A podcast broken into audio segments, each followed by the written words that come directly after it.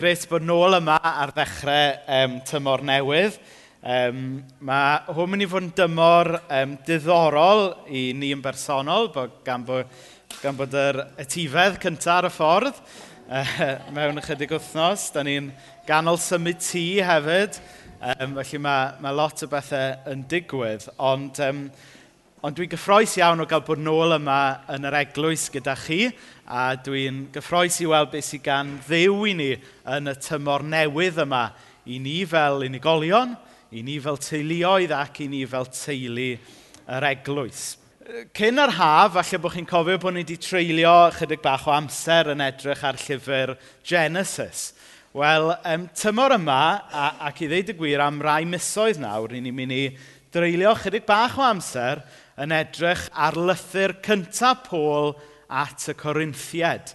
Mae e'n un o'r llyfrau sydd yn y Testament Newydd. Yn y Testament Newydd mae gyda chi uh, pedwar llyfr cyntaf sy'n rhyw fath o biographies i Iesu. Wedyn mae gyda chi llyfr yr actau sy'n sôn am hanes sut nath eglwys Iesu Grist gychwyn.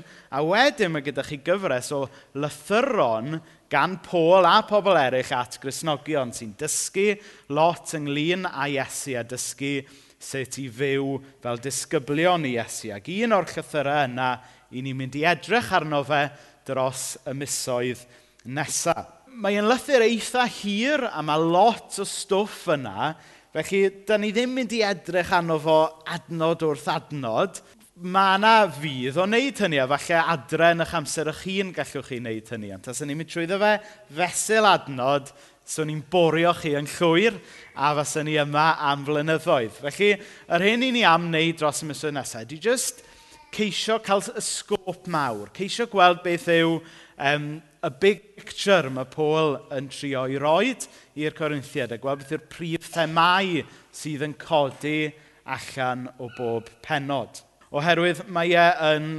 lythyr diddorol iawn. Mae yna sôn am groes Iesu Grist. Mae yna sôn am sgandalau rhyw. Mae yna sôn am gorela. Mae yna sôn am ddoniau'r ysbryd. Mae yna sôn am bobl yn jympio'r cyw i gael y cymyn. Mae yna sôn am atgyfodiad. Mae A popeth yn y llythyr yma. A, a rhwng y cyfan, gobeithio gawn ni ddysgu lot gyda'n gilydd dros y misoedd nesaf. Um, Ond i ddechrau, dwi am ddarllen rhai o'r adnodau byddwn ni'n meddwl drostyn nhw bore yma o'r benod gyntaf. So mae'r darlleniad yn dod o 1 Corinthiaid 1, dechrau darllen yn adnod pedwar. Dwi bob amser yn diolch i ddew amdano chi.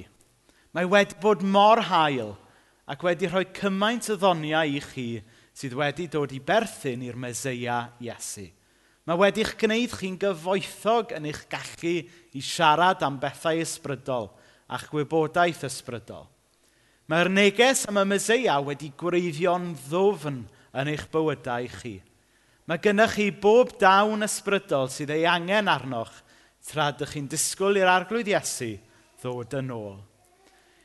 Bydd e'n eich cadw chi'n ffyddlon i'r diwedd un – Mae e am i chi fod yn ddifau ar y diwrnod mawr pan fydd ein harglwydd Iesu Grist yn dod yn ôl. Gallwch chi drystio Dyw yn llwyr. Mae'n gwneud beth mae'n ei ddweud. Fe sydd wedi'ch galw chi rannu bywyd gyda'i fab y Mesoea Iesu ein harglwydd ni. Frodyr a chwiorydd, dwi'n apelio atoch chi ar ran ein harglwydd Iesu Grist. Stopiwch ffreio. Dwi eisiau chi ddangos undod go iawn yn lle'ch bod chi wedi rhannu ni a nhw. Dwi'n gwybod y cwbl amdano chi. Mae rhai o bobl clwy wedi dweud wrtho i, a mae'r holl gecri yn eich plith chi. Mae un ohonoch chi'n dweud, Pôl, dwi'n ei ddilyn, a rhywun arall yn dweud, Apolos, dwi'n ei ddilyn, neu dwi'n dilyn Pedr. Ac wedyn un arall yn dweud, y Myseia, dwi'n ei ddilyn. Ydy hi'n bosib i rannu'r Meseia yn ddarnau?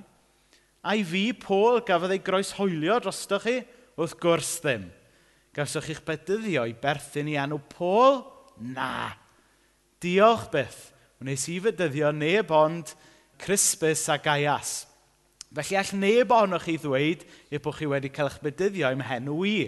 O ie, fi fedyddiodd y rhai o di Steffanas hefyd. Ond dwi'n reit siŵr mod i ddim wedi bedyddio neb arall.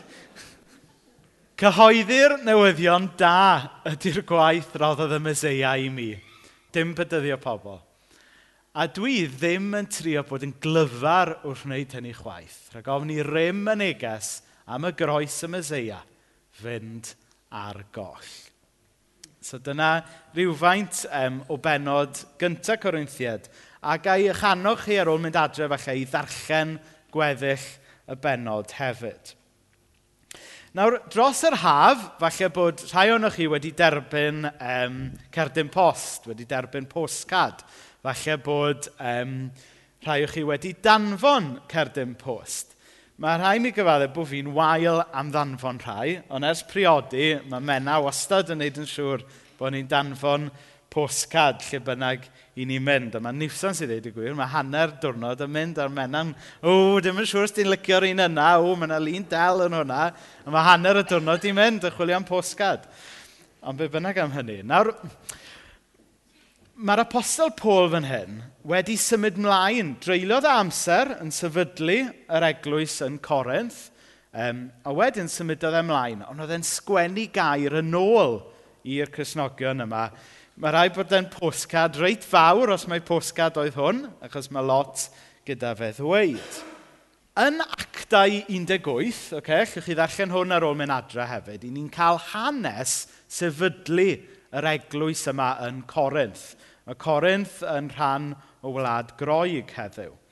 A mae'r hanes o sefydlu'r eglwys yn Corinth, mae e'n gyffroes, ond mae hefyd yn fler. A mae'n rhoi syniad i chi o beth sy'n digwydd pan mae Dyw ar waith. Pan mae Dyw ar waith, dydy pethau ddim yn daclus. Dydy pethau ddim yn plain sailing. Pan mae Dyw ar waith, mae pethau yn gallu bod yn fler. Mae yna bobl mynd i wneud camgymeriadau. Mae yna bobl mynd i ddweud rhai pethau ffôl. Mae yna bobl o di allan yr eglwys mynd i fod yn feirniadol. Lle mae Dyw ar waith, mae'n mynd i fod yn fler.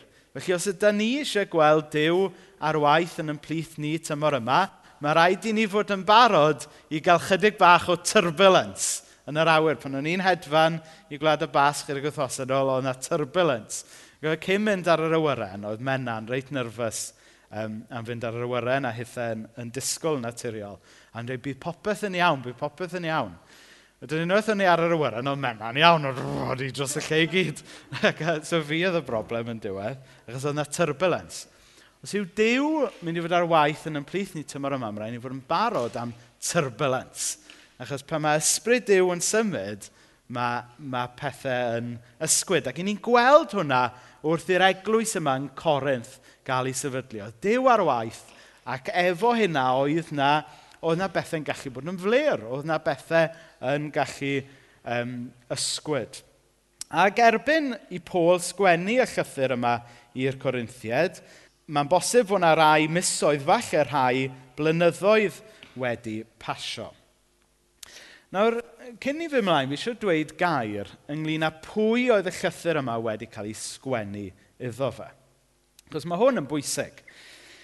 Nawr, llythyr oedd hwn gan Paul, a oedd Paul yn apostol, oedd e'n un, un o'r arweinwyr yr eglwys yn y blynyddoedd uh, cynnar. Ond mae'n dweud ar y dechrau fan hyn, llythyr gan Paul wedi fynewis gan ddew, am galw i fod yn gynrychiolydd personol i'r Meseia Iesu, a gan y brawd Sosensis hefyd. So mae'r llythyr yma, oce, okay, mae wedi cael ei sgwennu gan Paul, ond mae'n arwydd y cael, a mae'n bwysig i ni gael yn pen rownd hyn, mae Dyw nath ysbrydoli fe i sgwennu y geiriau yma. Felly, nid yn gymaint geiriau a, a, a, Paul sydd fan hyn, ond actually gair Dyw. Ac os ydym ni eisiau gadael i Dduw siarad efo ni trwy y llythyr yma dros y misoedd nesaf, mae'n bwysig bod ni o leiaf yn agored i'r posibilrwydd bod Dyw ei hun mynd i siarad gyda ni trwy'r adnodau yma.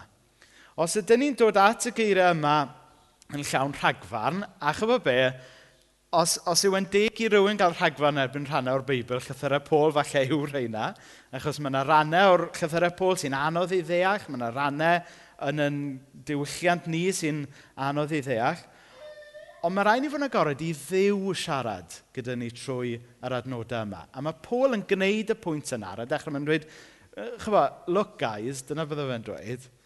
Fi'n mynd i rannu geiriau gyda chi nawr, ond nid yn gymaint fy ngeiriau i o'r rhain, ond geiriau fy arglwydd. Dyma yw datgyddiad dew i chi. So dwi eisiau ni fod yn agored yn calonau i adael i ddew siarad mewn i'n bywydau ni, trwy'r adnodau yma tymor yma. Yr ail beth i nodi ar y dechrau fel hyn yw, ie, mae'r llythyr yma wedi cael ei sgwennu i bobl arbennig mewn lle arbennig ar amser arbennig, ond mae e hefyd yn air gan ddiw i'w eglwysau ym mhobman ym mhob oes. A mae Paul yn gwneud y pwynt yna'n anuniogyrchol yn yr adnodau yma at eglwys Dyw yn Corinth, so mae yna ma gyd-destun gwreiddiol i'r adnodau, dych chi wedi'ch neilltuo gan ddiw i berthynas ar Meseia Iesu. Dych chi wedi'ch galw i fod yn bobl sanctaidd. Fel pob Cristion arall, sef pawb ym mhobman sy'n galw ar enw ein harglwydd Iesu Grist. Felly er bod yna gyd-destun gwreiddiol i'r llythyr yma, mae hwn yn air gan ddiw i ni heddiw hefyd. A mae mor bwysig bod ni yn dod at y llythyr gyda'r meddwl agored yna. Wrth gwrs, er mwyn deall i ystyr yma, rhaid ni ddeall e yn ei gyd-destun gwreiddiol, wrth gwrs. Ond o'i ddeall e yn ei gyd-destun gwreiddiol, allwn ni weld be mae Dyw eisiau dysgu ni heddiw. A sut mae Dyw eisiau siarad gyda ni heddiw. Os ydyn ni, os ydych chi yn adnabod Ies Grist, mae'r llythyr yma yn eich cyfarch chi. Mi ydych chi yn rhan o'r dorf yma. Mi ydych chi yn, fel pob Christian arall, sef pawb ym hobman. Dwi'n licio sy'n fa'r cyfeithiad yna'n rhoi da. Ond er mwyn deall be mae Dyw yn deitha ni heddiw o'r llythyr, mae rhaid ni ddeall y cyd-destun gwreiddiol. A dwi'n meddwl bod hwn yn rhyw catchphrase um, da sy'n helpu ni ddeall llythyrau Pôl heddiw.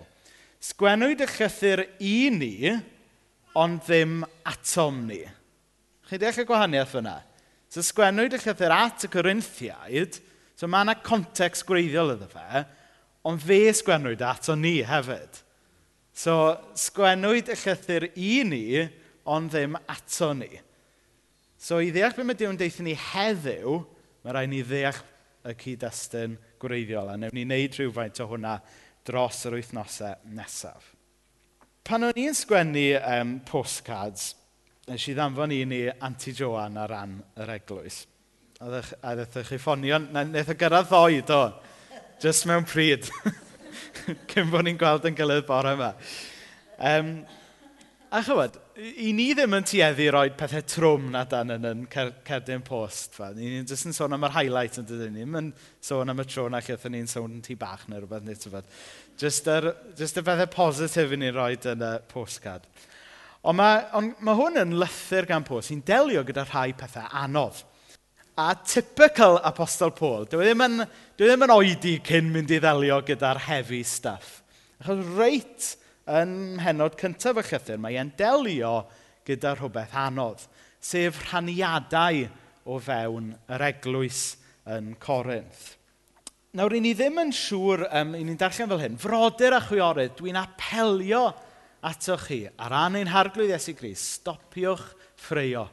Dwi eisiau chi ddangos undod go iawn yn lle bod wedi rhannu ni a nhw i ni ddim yn hollol siŵr beth oedd natur yr holl rwygiadau yma yn yr eglwys yn Corinth.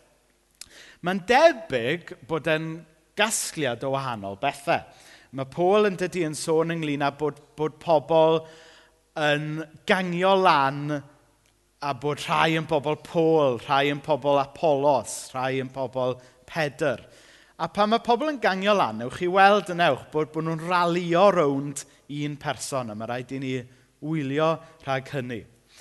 Mae'n debyg hefyd bod yr eglwys yn Corinth, bod, e yn, um, bod Corinth yn dref cosmopolitan iawn, bod e'n dref aml ddiwylliannol iawn. Chybod yn, yn mae hwnna'n bwnc cyfoes yn dydi ar ôl yr busnes Brexit yma, bod ni'n meddwl, o, sut allwn ni fyw mewn gwlad gyda pobl o wahanol ddiwylliannau. Wel, chybod be, ddim yn rhywbeth newydd. Mae e wedi bodoli mewn diwylliannau eraill ers miloedd o flynyddoedd. Ac mi oedd Corinth yn dref, lle oedd yna bobl yna oedd yn, um, o'r diwylliant groegaidd, oedd yna bobl yna oedd yn iddewon, oedd yna bobl oedd yna oedd um, o rifain, a mi oedd e yn gawl diwylliannol. Ac mae'n bosib bod hwnna'n sail i rai o'r rhaniadau. Mae'n bosib hefyd bod e jyst yn raniadau o ran personoliaeth. Ac mae Dyw wedi creu ni gyd yn wahanol, dydy? A weithiau, da ni yn rwbio'n erbyn yn gilydd. Ond beth bynnag oedd sail y rhaniadau yma yn Corinth, mae e'n apelio arnyn nhw yn enw Iesu Grist i stopio ffrio. Oherwydd beth bynnag oedd y gwahaniaethau rhwng nhw, fel Cresnogion, mi oedd yna rhywbeth cryfach yn i uno nhw sef y ffaith bod nhw'n blant i ddew trwy Iesu Grist. A mae hynna mor bwysig i ni gofio. Ond cyn i ni fy mlaen at hynna, dwi eisiau meddwl rhywfaint ynglyn â y ffaith bod Paul yn apelio yn enw Iesu Grist iddyn nhw stopio ffrio. Nawr, mae'r ffaith bod e'n apelio'n enw Iesu yn arwydd y cael iawn. Dwi'n cofio pan o'n i yn fach, um, o'n i'n trio, dwedwch na bod fi'n trio dwy'n perswad ar y mrawd i wneud rhywbeth. Um, fel arfer, wneud rhywbeth ffôl. Ond dwedwch bod fi'n trio dwy'n perswad ar fy wneud rhywbeth call. A oedd e jyst ddim yn gwrando arno fi o gwbl. A wedyn, o'n i'n mynd at mam. O'n i'n esbonio sefyllfa i mam. Oedd mam dweud, ie, yeah, ie, yeah, mae eisiau cynnan dy helpu di i wneud hynna. Wedyn byddai fi'n mynd nôl at cynnan dweud, mae mam yn dweud fod rhaid i ti helpu. Wel, oedd hwnna'n game changer. Oedd hwnna'n newid popeth yn doedd. O'n i nawr yn gallu apelio ag awdurdod mam. Um, dwi lot o fwy awdurdod gan mam yn y tŷ a dad. oedd hynna'n newid popeth bod fi'n gallu apelio yn enw rhywun arall. Nawr mae Paul fan hyn yn apelio yn enw Iesu. Dymuniad Iesu yw bod ni'n delio gyda rhaniadau. Dymuniad Iesu yw bod ni'n cymodi rhwng yn gilydd. Dymuniad Iesu yw bod ni yn un efo fo. A dwi'n meddwl bod hwnna'n gweithio ar ddau lefel. Mae'n ma gweithio o fewn yr eglwys, a mae hefyd yn wir rhwng eglwysu hefyd. A ni chwilio am yr hyn sy'n gyffredin rhwngtho ni. Nid gwneud ffys o'r hyn sy'n wahanol rhwngthyn ni. Achos mae Dyw wedi creu ni yn wahanol. Dydy o ddim wedi yn creu ni fel identicates yr un peth. Mae, mae o isio ni fod ar rywydd, mae o isio ni fod yn wahanol. Dydy, mae wedi creu ni gyd yn unigryw. Ond mae hefyd gyda ni rhywbeth gwerthfawr yn yn uno ni. Sef bod pawb sy'n trystio'n Iesu yn perthyn i'r Meseia wrth edrych allan falle ar y glwysi eraill, mae'n hawdd i ni fynd yn smyg a meddwl am y ffordd mae, mae rhai rhwygiadau wedi hochdi y glwysi yn llwyr. Ond mae'n bwysig bod ni'n ymwybodol o'r rhaniadau sy'n gallu ac yn bodoli o fewn yn teulu ni yn hunain hefyd. Ac o'm mhrofiad i, mae pob eglwys i wahanol raddau yn delio'n barhaus gyda gwahanol densiynau a gwahanol rhwygiadau. A, a dwi ddim yn codi'r issues yma er mwyn rwbio halen yn y brew nac chwaith er mwyn agor hen grachen. Ond bydde fe yn ffals arna ni yn, bod ni jyst yn brwsio'r issues yma dan y carpet, chi'n gwybod. Mae Dyw eisiau ni ddelio gyda issues er mwyn i ni gymodi yn enw Iesu Grist dros y blynyddoedd, mae yna, mae yna raniadau wedi bod yma rhwng pobl sydd wedi bod yng Nghersalem erioed a pobl sydd wedi dod yn rhan o Gersalem yn ddiweddar. Mae yna densiynau'n gallu codi rhwng y cenedlaethau neu, neu, neu, y rhai, neu o leia rhai ifanc i meddwl. um, mae yna wahaniaethau'n gallu codi rhwng profiadau gwahanol bobl o'r ysbryd glân – Mae yna wahaniaethau personolaethol yn gallu codi o fewn yr eglwys. A hefyd, mae balchder ysbrydol yn gallu rhannu eglwys. Yn dydy, rhai pobl yn meddwl bod nhw'n bod nhw'n fwy eiddfed yn ysbrydol na pobl eraill yn yr eglwys. Mae rhain i gyd yn issues sy'n gallu codi ym mhob eglwys ac i wahanol raddau maen nhw'n issues i ni yn eu profi. A mae'n bwysig bod ni'n cydnabod hynna er mwyn i ni weithio trwyddo nhw ac er mwyn i ni ddod at y cymod i ni sydd yn Iesu Grist, er mwyn i ni ddod at yr hyn sydd yn, yn uno ni. Achos mae Paul, ar ôl enwi y broblem yn Corinth, mae e'n mynd mlaen wedyn i sylweddoli, er bod Dyw wedi creu y bobl yma wahanol, er bod yna raniadau, mae'r un ysbryd ar waith yn newid calonau pawb. Does dim rhaid i'r gwahaniaethau o fewn yr eglwys yn rhannu ni, oherwydd yr un croes sydd wedi marw dros bob un ohono ni. Run atgyfodiad sydd ar waith yng nghalonau pob un ohono ni. Beth bynnag yw eich steil chi o ddoli, yr un Iesu sydd wedi marw dros eich pechodau chi. Os ych chi'n ifanc neu yn hen, yr un atgyfodiad sydd ar waith yno chi. Beth bynnag yw eich steil chi, fel maen nhw'n dweud. Iesu Gris sydd wedi'ch caru chi a'ch prynu chi. Mae'n bwysig bod ni yn cofio hynny. Mae e'n dweud nes ymlaen ym henod un. Does gan neb le i frolio flaen Dyw. Fe sydd wedi'ch gwneud hi'n bosib i chi berthyn i'r meseia Iesu. Ac mae doethineb Dyw i'w weld yn berffaith yn Iesu. Fe sy'n ei gwneud ni'n iawn gyda Dyw. Mae e'n gwneud ni'n lan ac yn bir. Mae wedi talu'r pris yn rhyddhau ni o afael pechod. Mae hyn yn wir, ond tybed ydym ni'n gadael i'r gwirionedd yma dreiddio trwyddo i'r ffordd da ni'n byw yn bywydau a trin yn gilydd. Dwi'n meddwl falle mai dyna oedd un o broblemau'r eglwys yn Corinth. Oedden nhw'n credu hyn, oce, okay, fan hyn, allwch chi weid, ond oedd e ddim cweit wedi ffiltro trwyddo i'r ffordd o'n nhw'n trin a caru i gilydd.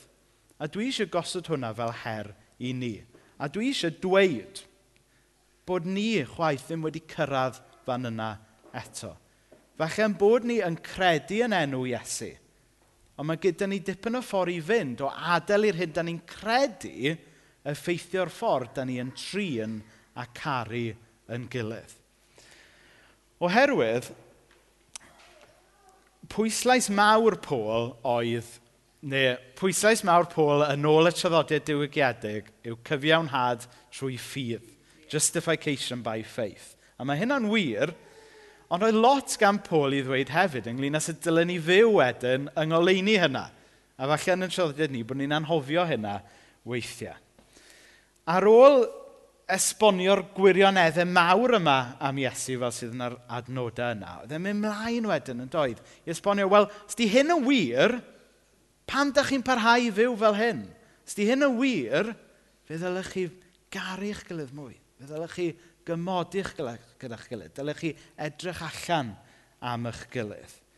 Fe ddylech chi yn raddo cael eich trawsffurfio o'r top i'r gweilod. Chyd dyna yw'r busnes mae Dyw yn ddo fe. Mae Dyw yn y busnes, ie, o roi maddeiant pechodau i ni, ond mae e hefyd yn y busnes am wneud ni y bobl mae e wedi yn galw ni i fod. Felly, yn heri ar ddechrau'r gyfres yma cyn i ni droi at y cymen, yw y cwestiwn cyntaf. Ydyn ni'n adnabod enw Iesu? Chos mae yna bwer jyst yn enw Iesu yn does. Ydyn ni'n adnabod enw Iesu. Wedyn ni'r rhai yma sy'n dweud, ie, mi ydw i yn adnabod enw Iesu. Wel, ydych chi wedi gadael i'r gwirionedd yna ddechrau treiddio trwyddo a newid eich bywyd chi i fod y disgyblion mae Iesu wedi'ch galw chi i fod. Ydyn ni wedi dechrau tiwnio mewn, nid jyst i enw Iesu, ond i feddwl ac ysbryd Iesu. Os mae e'n un peth dweud, ie, yeah, mi ydw i'n credu yn Iesu, mi ydw i'n credu bod Iesu wedi marw dros ym hechodau wel ydy e- y gwirionedd yna i weld yn yn cariad ni at yn gilydd. Ydy'r e gwirionedd yna i weld yn yn cariad ni tuag at bobl yn cwmpas ni. Felly bod hwnna'n brawf o ydyn ni wedi credu mewn gwirionedd o roi dy sialens fel yna. Dyma oedd yr her oedd Paul yn gosod i'r Corinthiad ar y dechrau fan hyn. Mi oedden nhw yn bobl oedd yn, oedden nhw yn saint, mi oedden nhw yn grisnogion. Ond mae'n amlwg bod nhw hefyd yn work in progress. Oedd e'n amlwg bod nhw dal yn y broses o weithio y peth allan. Oedden nhw dal wrth i'n trio tiwnio mewn i'r bywyd newydd yma oedd Dyw wedi i roi iddyn nhw. Nawr oedd y Corinthiad wedi i rhannu. Mi oedd yna rwyg fawr yn yr eglwys. Mi oedd rhai ohonyn nhw, fel byddwn ni'n gweld dros yr wythnosau nesaf, yn byw bywydau lliwgar a dweud y lleiaf. Mi oedd yna rai pobl yn credu syniadau reit wyllt am bethau sylfaenol fel y groes a'r atgyfodiad. Ond mae Paul dal i alw nhw yn saint. A mae hwnna'n arwydd y cael, dwi'n meddwl wrth i ni feddwl falle am gyflwr eglwysi Cymraeg, wrth feddwl am y rhwygiadau sydd wedi bod mewn capelu Cymraeg, wrth feddwl am y pethau rhyfedd sydd wedi mynd i gael i'w credu a'i pregethu mewn capelu Cymraeg. Mae yna rhai pobl yn digaloni a dweud, wel, dyn nhw ddim yn eglwysi go iawn nawr. Ond dwi'n meddwl bod yn fwy gresol i ddweud, wel, maen nhw yn eglwysi, maen nhw jyst yn eglwysi byddai wedi cael llythyr gan Pôl. dwi'n meddwl bod hwnna'n ffordd fwy gresol o drin yn sefyllfa ni yng Nghymru. Nawr dwi am orffen efo'r ddelwedd yma. Dros yr haf, bu i mewn sawl digwyddiad lle oedd na DJs wrth i. Dwi'n i bod i bitha trwy'r haf, beth o'r poeni. Ond dwi wedi bod mewn sawl digwyddiad lle oedd DJs wrth i yn troelli y gaddoriaeth. A dwi'n siarad fan hyn am DJs go iawn. Nid, to, nid rhyw iTunes DJs. To, dau deck, dau set o record players, A wedyn, dwi'n yn gwybod os ydych chi wedi gweld DJ go iawn wrth i crefft. Chybod, yn ddilornus, fe y pobl yn meddwl, wel, just gwasgu play a dyna ni. Ond mae DJs go iawn, mae yna grefft i'r peth. Mae gyda nhw ddau record yn chwarae, a wedyn maen nhw'n plethu y ddau beth mewn, mewn i'w gilydd, a wedyn mae yna rhyw bang moment yn dod lle mae'r ddau record jyst yn canu a mewn rhythm gyda'i gilydd, a mae yna magic cerddorol yn digwydd. Wel, dwi eisiau ni feddwl am yr anogaeth i ni diwnio mewn i rhythm efengil Iesu Grist fel hyn. Ar hyn o bryd, falle, os ydych chi fel fi, a dwi jyst yn siarad am fy hun nawr, mae'r beats ddim cwyt yn cydaro trwy'r amser. A mae'r diwn yn mynd allan weithiau. Ond mae'r ysbryd glân yn helpu ni i gael y curiadau'n raddol i gamu gyda'i gilydd. Mae Iesu eisiau ni drystio yno fe, mae Iesu eisiau ni gredu ynddo fe. Ond wedyn mae Iesu eisiau ni fyw yn bywydau mewn rhythm gyda'r newyddion da, gyda'i efengil efengili. Ac wrth i ni adael i ddew ddod mewn i'n bywydau ni, wrth i ni adlu ysbryd Duw ddod mewn i'n bywyd ni, yn raddol newn ni fyw mwy yn ôl rhythm i efengil e. A di hwn ddim yn rhywbeth sy'n digwydd dros nos, ond mae e'n rhywbeth dylen ni fod yn gweithio ato fe gyda'i help e, a gyda help llythyr Pôl at y Corinthiad tymor yma. Amen.